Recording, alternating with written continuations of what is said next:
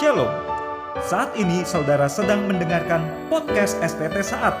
Podcast ini berisi penyampaian firman Tuhan yang bukan hanya akan memperluas pemahaman iman, namun juga akan mentransformasi kehidupan saudara. Kami berdoa dan kami percaya saudara akan diberkati. Dari STT Saat Malang, selamat mendengarkan. Mari kita membuka di dalam kitab peratapan, kita sampai kepada bagian nabi-nabi besar, dan saya memilih dalam kitab peratapan, pasal yang ketiga, ayat yang ke-21 sampai ayat yang ke-25. Saya bacakan di dalam terjemahan TB2. Demikianlah firman Tuhan. Tetapi inilah yang kuperhatikan sebab itu aku berharap.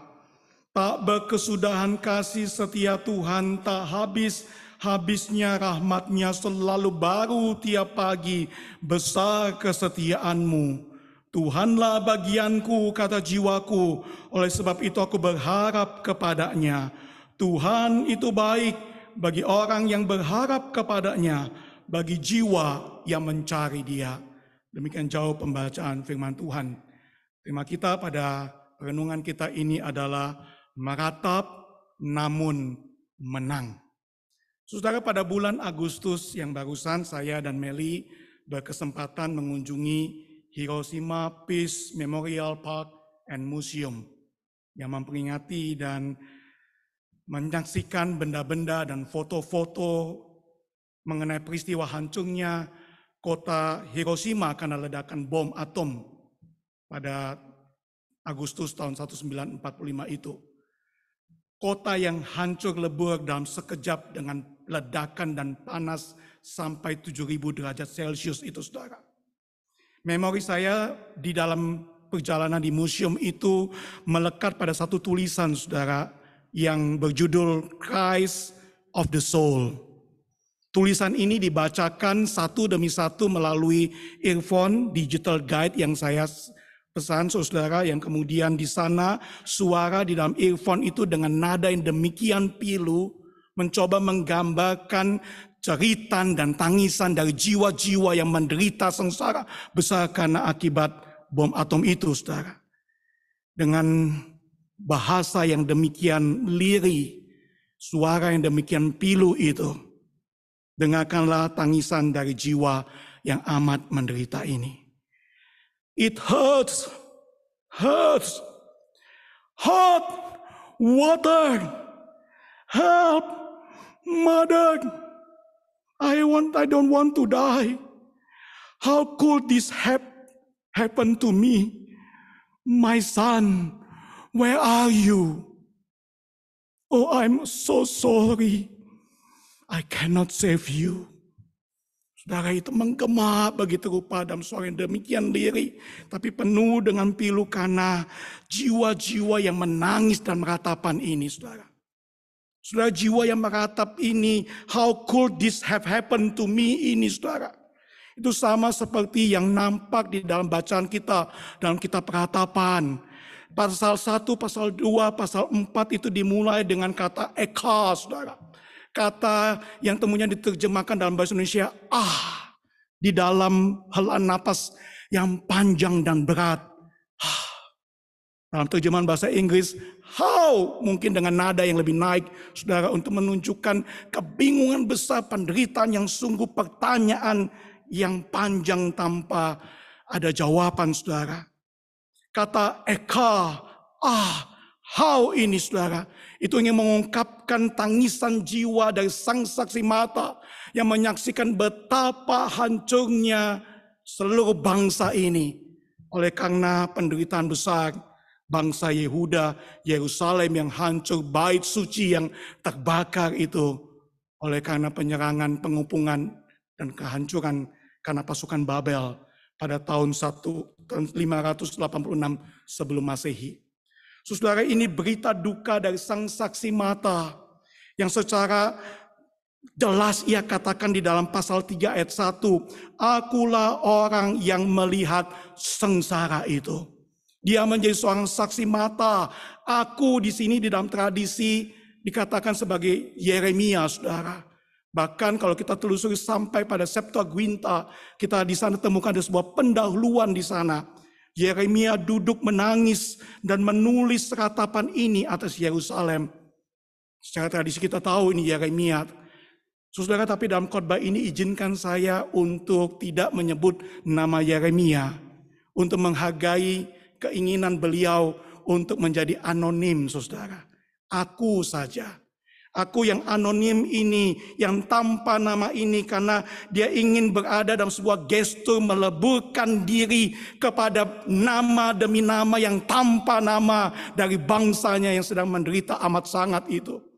Saya ingin dia menjadi suara yang mengalir keluar dan ratapannya demikian besar. Sama seperti bangsanya yang tanpa nama itu sedang meratap sedemikian rupa. Oleh karena penderitaan besar itu. Sudah saksi mata yang kemudian merangkai lima puisi pekabungan.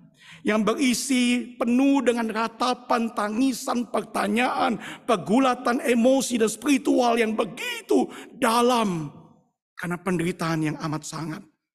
Puisi ratapan nomor 1, 2, dan 4 yang berisi dengan 22 ayat secara akostik itu tuh.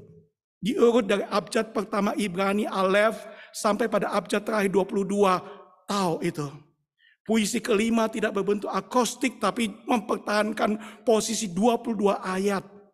Saudara para penafsir memberitahukan menafsirkan gaya akostik dalam puisi perkabungan ini adalah untuk memberitahukan sebuah fungsi ekspresi penuh terhadap penderitaan yang total dari A sampai Z, dari Alef sampai Tau itu. Seakan-akan suara yang pilu ini, sang saksi mata yang sengsara ini, ingin mengungkapkan aku butuh semua abjad yang ada. Dari Alef sampai Tau untuk mengungkapkan betapa menderitanya kami Oh dia juga ingin menyatakan aku butuh keteraturan dari semua abjad itu. Untuk menolongku tetap bisa melihat keteraturan ini. Dan mengungkapkan betapa kacaunya batinku. Betapa bergumulnya kami dengan segala macam tragedi yang kami alami. Aku butuh keteraturan itu. Supaya seluruh isi hati kami bisa disampaikan dengan jelas. Saudara, dalam pola akustik inilah kita sampai pada pasal yang ketiga. Pasal yang menarik sekali karena ini terdiri dari 66 ayat. Setiap abjad itu triple tiga kali diungkapkan menjadi 66 ayat saudara. Ini seperti sebuah puncak atau ledakan emosi dari sang peratap ini karena dia sedang mengungkapkan puncak dari pergumulannya tentang apa yang sedang dihadapi oleh dirinya dan bangsanya dalam meredakan emosi penuh ratapan inilah sang saksi mata itu kemudian mengungkapkan pegulatannya melihat fakta sengsara yang sedang dialami oleh bangsa Yehuda. Saudara benar bahwa fakta yang nampak nyata di depan mata itu saudara adalah segala yang dimiliki dan dibanggakan oleh bangsa Yehuda itu sudah lenyap bukan? Kota Sion, tahta Daud, bait suci, tanah perjanjian, semuanya sudah dilalap oleh api itu. Nggak ada yang tersisa. Tapi saudara pegulatan dari sang saksi mata ini itu bukan sekedar karena apa yang nampak di depan mata. Pegulatan besar yang muncul di dalam ratapan ini saudara. Itu muncul karena ia melihat apa yang tidak nampak di, di depan mata itu. Tapi ada di balik semua kesengsaraan itu. Benar saudara. Bangsa ini dihancurkan oleh tentara Babel. Tapi peratap ini tahu benar bahwa di balik semua itu ada Tuhan di sana. Ada Tuhan yang menjadi mastermind daripada semua peristiwa yang terjadi. Ada Tuhan yang memakai Babel menjadi alatnya untuk menghukum umatnya dengan muka yang amat sangat itu saudara. Saudara minggu lalu kita sudah belajar Mazmur yang demikian indah. Mazmur 77. Bagaimana ketika umat Tuhan itu bergumul, ketika Tuhan itu absence dan silence. Tapi saudara, kitab ratapan ini masuk pada ratapan to the next level, saudara.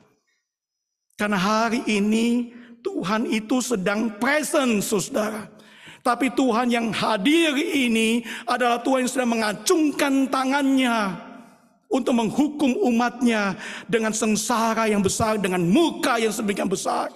Oh ratapan sang peratap ini menggunakan banyak metafora. Dia dedikasikan 18 ayat pertama di pasal 3 ini. Hanya untuk mengungkapkan betapa Tuhan yang muka itu saudara.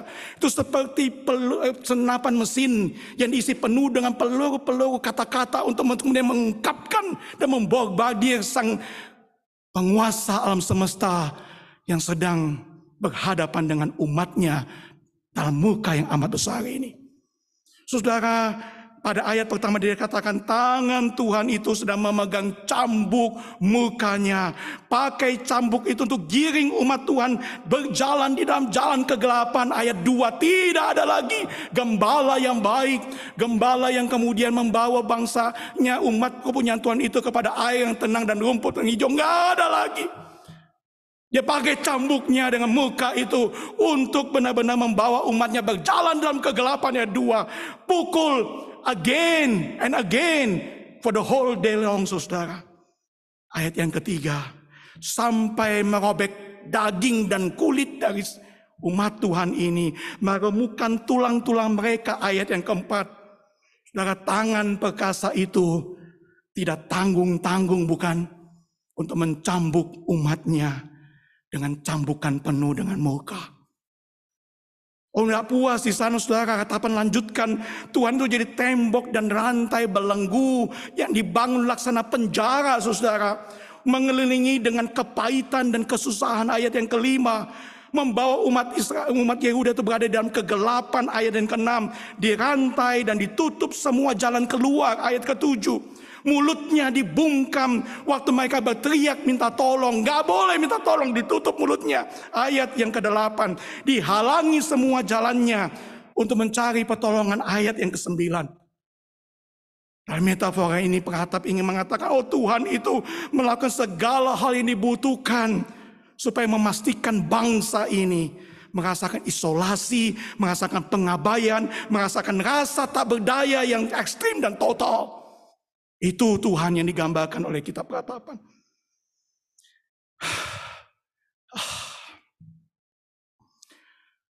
Ratapan lanjutkan.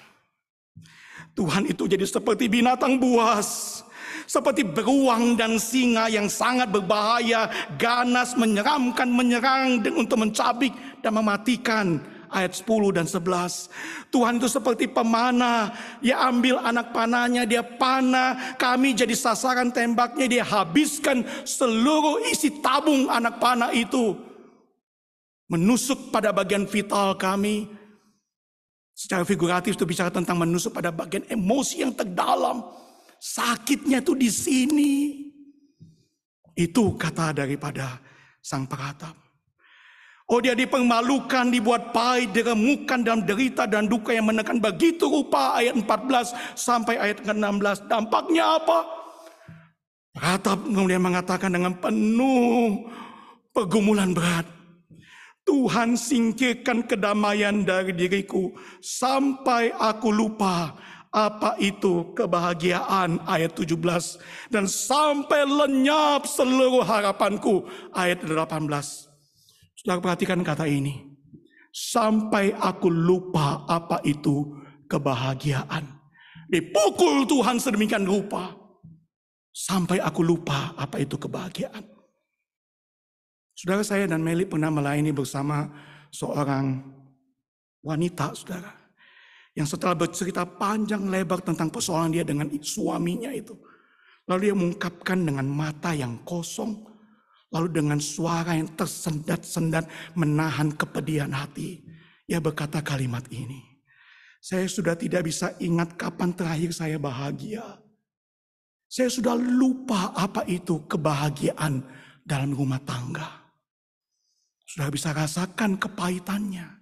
Sudah bisa rasakan putus asanya dia, hilang harapannya dia. Sudah lupa apa itu kebahagiaan. Oh wanita ini dan sang peratap ini sedang berada pada tempat yang sangat berbahaya yang bernama hopelessness bukan? Tanpa pengharapan itu. Saudara bagaimana memberi jawab kepada orang-orang pada jiwa-jiwa yang sedang menjerit di dalam sengsara, di dalam ketidakadaan ini. Bagaimana kita memberi jawabannya saudara? Saudara bersyukur pada Tuhan kita peratapan ini mengajarkan prinsip yang penting sekali. Menangislah dan merataplah karena masalah yang sejati yaitu dosa saudara. Menangislah dan merataplah karena masalah yang sejati yaitu dosa. Sudah dalam Tuhan, dalam tangismu jangan buat matamu itu kabur kepada the real issue di dalam hidup kita untuk pain and suffering yang kita alami ini. Jangan pernah lupa bahwa masalah yang utama dan sejati bukan pada Tuhan yang muka pada umatnya, tapi pada umat Tuhan yang bebal pada kasih dan peringatan Tuhan itu. Pada manusia-manusia yang bebal dan hidup berkanjang di dalam dosanya itu. Itu masalah sejati, bukan pada Tuhan yang muka itu. Saudara, kitab ratapan menjelaskan dengan tepat, dengan jelas alasan kehancuran Yerusalem. Karena dosa umat Tuhan. Itu yang dikatakan pada pasal pertama ayat yang ke-8. Yerusalem sangat berdosa sehingga najis adanya. Bukan hanya kepada bangsa Yehuda itu, tapi kepada para pemimpin-pemimpin rohaninya yang tidak berfungsi sebagai pemberita kebenaran. Mereka cari aman, cari nyaman, cari muka. Bukan cari Tuhan dan memberitakan kebenaran Tuhan itu. Itu yang kemudian dikatakan pada pasal yang keempat ayat 13. Hal itu terjadi oleh sebab dosa nabi-nabinya dan ketujanaan imam-imamnya itu. Saudara ini persoalannya, persoalan dosa saudara. Kalau dosa jadi persoalannya apa solusinya kalau demikian? Sang saksi mata ini saudara memberikan nasihat kepada sesama peratap. Saya coba simpulkan. Lament and then repent. Don't, do not defend saudara. Lament. Berataplah. Tapi setelah itu bertobatlah. Jangan jadi orang yang ahli membela diri. Dalam sengsara ini berapa banyak orang-orang yang kemudian tidak belajar untuk meratapi dosa dan kemudian menyesali dosa, mengakui dosa, bertobat dari dosa tapi kemudian menjadi ahli membela dirinya. Berapa banyak orang yang berkata kan semua orang sudah melakukan dosa yang sama. Kenapa cuma saya yang dihukum? Saya jadi begini kan karena kurang kasih sayang dari orang tua. Saya ini korban dari broken home. Saya cuma bereaksi karena dia sih yang pancing-pancing. Waktu saya masuk, saya ini alim kok. Saya jadi gini karena contoh kakak-kakak tingkat. Masta yang barusan retreat tadi. Enggak. Just kidding. Tapi berapa banyak bukan suara-suara itu muncul. Kita menjadi orang yang membela dirinya. Do not defend. Gak ada gunanya. Nasihat daripada sang saksi mata itu. Akui dosa lalu bertobatlah. Itu yang dikatakan pada ayat yang ke-39 sampai 42 bukan. Mengapa orang hidup mengeluh? Biarlah setiap orang mengeluh tentang dosanya. Jangan hanya meratapi tentang sengsara kita, tapi lihat akan masalahnya itu dan mengeluhlah karena dosa itu. Marilah kita menyelidiki dan memeriksa hidup kita, lalu berpaling kepada Tuhan. Marilah kita mengangkat hati dan tangan kepada Allah dan berkata penuh penyesalan, kami telah menduhaka dan telah memberontak. Ampuni kami Tuhan. Selidikilah hati kami dan ujilah batin kami. Kalau ketemukan di dalamnya jalan yang saya Tuhan ampuni dan luruskanlah jalan kami. Itu saudara yang akan menghasilkan kemenangan bukan? Berdukalah, merataplah, ungkapkanlah bahasa kalbumu, bahasa hatimu kepada Tuhan atas kesengsaraan yang kau alami atas pukulan-pukulan Tuhan dalam hidupmu. Merataplah, nggak apa-apa. Seluruh pasal-pasal ini bicara tentang hal itu bukan? Tapi setelah itu jangan berhenti di sana. Kembalilah lihat bahwa alasan sejati atau semua ini adalah karena dosa. Baik dosa pribadi maupun dosa komunal. Dosa yang jadi isu utama. Dan karena itu lanjutkanlah ratapanmu untuk meratap atas dosa itu. Lalu kemudian repent. Bertobat. Karena pemulihan itu baru akan terjadi ketika ada ratapan atas dosa, bukan? Bahwa kisah kemenangan itu baru akan muncul ketika diri kita ini mampu untuk mengevaluasi diri, mengakui dosa, lalu kemudian bertobat dari dosa-dosa itu. Secara pribadi maupun komunal. Jangan jadi ahli membela diri. Jadi anak Tuhan, hamba Allah yang tahu dan peka atas dosa, lalu bertobat. Tepat tiga bulan dari sekarang, SYC akan kita mulai.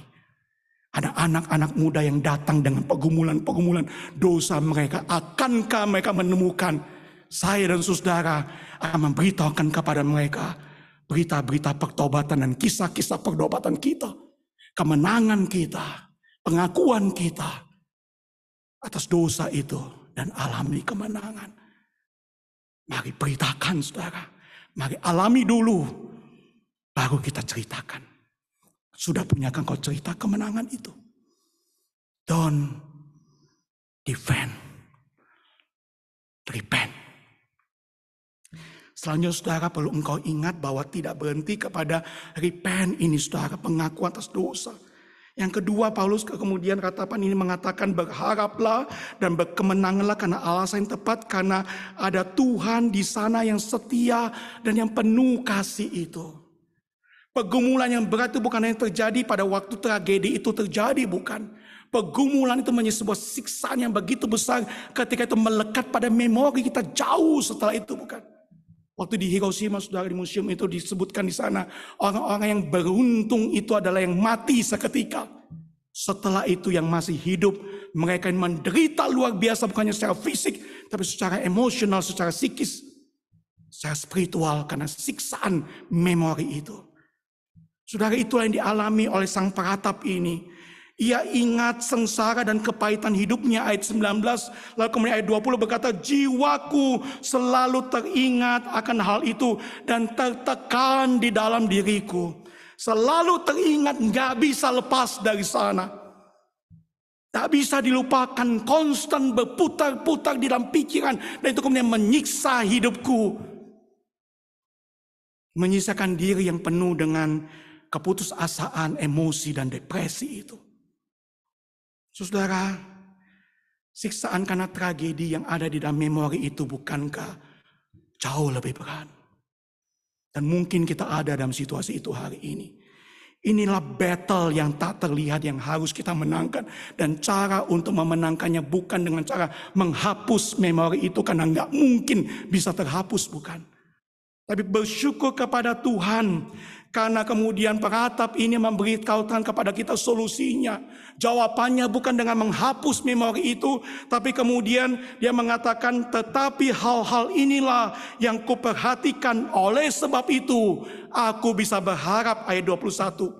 Terjemahan ESV mengatakan but this I call to mind. And therefore I have hope. Stop pikiran tanpa harapan itu.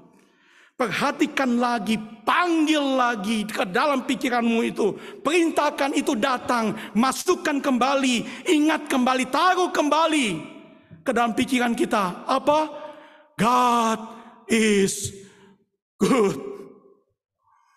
Waktu engkau meratap, waktu engkau sedang berlutut dan repent, bawa kembali ke dalam pikiran itu. God is good. Tak berkesudahan kasih setia Tuhan. Tak habis-habisnya rahmatnya. Selalu baru tiap pagi besar kesetiaanmu. Tuhan bagianku kata jiwaku oleh sebab itu aku berharap kepadanya. Bukankah ada dua kata penting yang muncul di sini? Hesed, a covenant love Tuhan yang mengasihi kita didasarkan pada kesetiaannya pada perjanjian itu. Bukan karena perbuatan dan kebaikan kita. Itu bergantung kepada karakter Allah yang penuh kasih dan setia itu. Kasih yang tidak pernah berakhir, kasih yang tidak pernah expired, the love that never let me go. Ini kasih itu bukan? Terjemahan lain mengatakan because of the Lord's great love we are not consumed. Kita tidak akan habis sekalipun dipukul di dalam mukanya Allah karena ia benar menghukum dengan keras namun ia juga mengampuni dengan penuh kasih oleh karena kesetiaannya pada perjanjian itu. Saudara, kata kedua yang begitu indah bukankah kata rahimim itu tuh. Rahamau, God's unfailing compassion itu tuh. Kata ini dari sini kita kenal kata rahim, rahim kandungan ibu. Yang kemudian kita kenal kata rahmat ini. Kasih yang lembut, yang penuh perhatian laksana seorang ibu yang mengasihi dan situasi dan kondisi apa pun. Tuhan tidak pernah akan gagal mengasihi anak-anaknya. Tuhan tidak pernah PHK-kan, putus hubungan kasih dengan anak-anaknya. Ia benar memukul dosa, tapi jangan pernah melupakan sebuah fakta bahwa dia memeluk sang pendosa itu yang datang dengan lutut yang betul dan hati yang menangis mata bercucuran mata berkata Tuhan saya salah. Saya mohon ampun saya mau bertobat. Tuhan peluk dalam kasihnya. Dia tidak pernah akan gagal memelukmu memelukku. Yang datang mohon pengampunan karena dia adalah Tuhan yang compassion itu yang penuh dengan rahmat ini. Apa pun yang terjadi dalam hidup kita, ingatlah selalu bahwa matahari itu akan terbit segelap apa pun malam. Sekeos apa pun kehidupan sebelumnya. Matahari itu akan terbit. Dan tiap pagi pelukan hangat kasih Allah akan memeluk kita. Yang lament and repent itu. Saudara pertanyaannya, adakah hati yang lemen and repent karena dosa? Adakah kita cukup peka untuk dosa-dosa kita dan mohon ampun, memohon kebelas kasihan Tuhan yang baik itu. Dan kemudian kita mulai merasakan kasih Allah yang besar. Oh bukankah kita lebih dari peratap hari ini oleh karena kita melihat bagaimana sang anak manusia itu sudah datang kembali ke dalam dunia dan lemen meratapi Yerusalem yang sekali lagi akan dihancurkan kali ini oleh tentara Romawi karena alasan yang sama itu karena dosa. Bukankah kita harus punya lebih banyak pengharapan akan kemenangan. Oleh karena sang anak domba Allah itu yang bergumul amat sangat di taman Getsemani karena dia akan minum penuh cawan muka Allah. Bukan karena dia berdosa tapi karena dia mau menanggung dosa-dosa kita.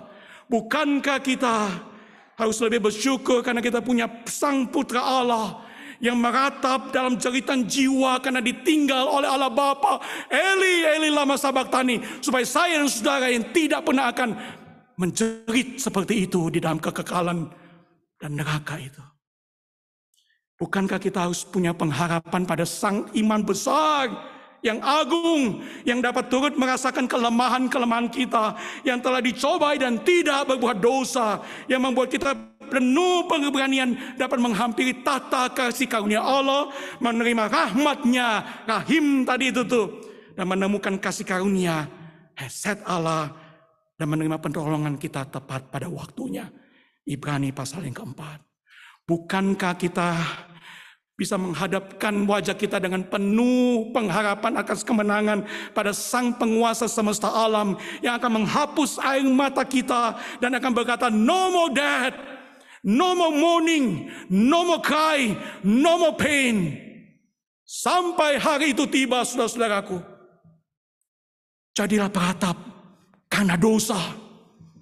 Dan jadilah pemenang karena Tuhan sudah beri kemenangan atas dosa kita.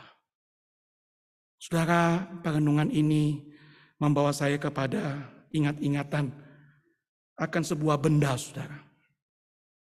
Benda yang ada di sekitar kita. Ini dia, sudah tahu? Ini adalah batang daripada belimbing wulu, pohon belimbing wulu. Setidaknya ada tiga di tempat kita ini. Saya ingat ini karena ini juga ada di rumah saya waktu di Makassar, waktu saya masih kecil. Dan waktu itu kata mama saya, saya ini nakal. Saya nggak pernah percaya. Saya cuma bilang saya ini cuma beda pendapat sama dia. Nggak nakal. Tapi sudah pada waktu saya nakal itu, maka kemudian mama saya akan mengambil tiga batang, saudara. Lalu kemudian dia akan melakukan ini. Lalu ini kemudian menjadi cambuk muka mama. Cambuk saya. Karena nakal, cambuk. FC, this is not a good idea, oke? Okay? Jangan lakukan. Pak Wim, no. Bukan ini caranya. Ini cerita saya, cambuk muka mama. Pukul. Saya menahan sakit dipukul lagi. Tapi saudara saya tidak menangis karena pukulan ini. Saya menangis ketika kemudian setelah dipukul, mama saya mengambil minyak gosok cap tawon. Asli Makassar. Lalu kemudian dia tanya, di mana yang sakit? Sudah dia pukul, dia tanya lagi, mana? Di situlah. Lalu dia ambil minyak gosok itu, dia gosok. Dia gosok. Setelah itu dia peluk. Lalu dia bertanya, jadi anak yang baik ya Michael. Dengar-dengaran ya sama orang tua. Jadi anak yang baik ya. Janji enggak? Janji ya. Sampai dipeluk, sampai digosok. Saya ingat sekali saya bilang. Saya janji. Saya janji jadi anak yang baik. Saudara, sakit dari cambuk ini sudah tidak pernah saya rasakan lagi. Tapi kehangatan dari minyak gosok ini masih ada sampai sekarang. Pelukan hangat dari seorang ibu. Dan pertanyaan lembut itu terus terngiang. Jadi anak yang baik ya. Bapak di sorga lebih baik dari semua orang tua di bumi kan. Waktu dia harus mencambuk kita karena dosa Don't defend. Lament. And then repent. Repent. Di situ pemulihan terjadi. Di situ kemenangan. Dan cerita-cerita yang akan kita bagikan pada teman-teman muda kita. Di SYC tiga bulan dari sekarang akan muncul. Karena itu saudara maukah engkau berjanji kepada Bapak di sorga. Untuk jadi anak Tuhan yang baik. Hairankan dosen dan staf-staf maukah kita berjanji untuk jadi dosen dan staf yang baik. Hai mahasiswa kan rekanku maukah kau berjanji jadi mahasiswa yang baik. Hai semua anak Tuhan dan hamba-hamba Allah. Maukah kita berjanji untuk kita semua jadi hamba Tuhan yang baik. Karena kita punya Tuhan yang sungguh amat baik. Amin. Dalam naratap menanglah kita semua. Mari berdoa. Saudara baru saja mendengarkan firman Tuhan yang kami percaya akan menumbuhkan iman saudara. Sampai jumpa pada podcast STT saat berikutnya. Tuhan memberkati.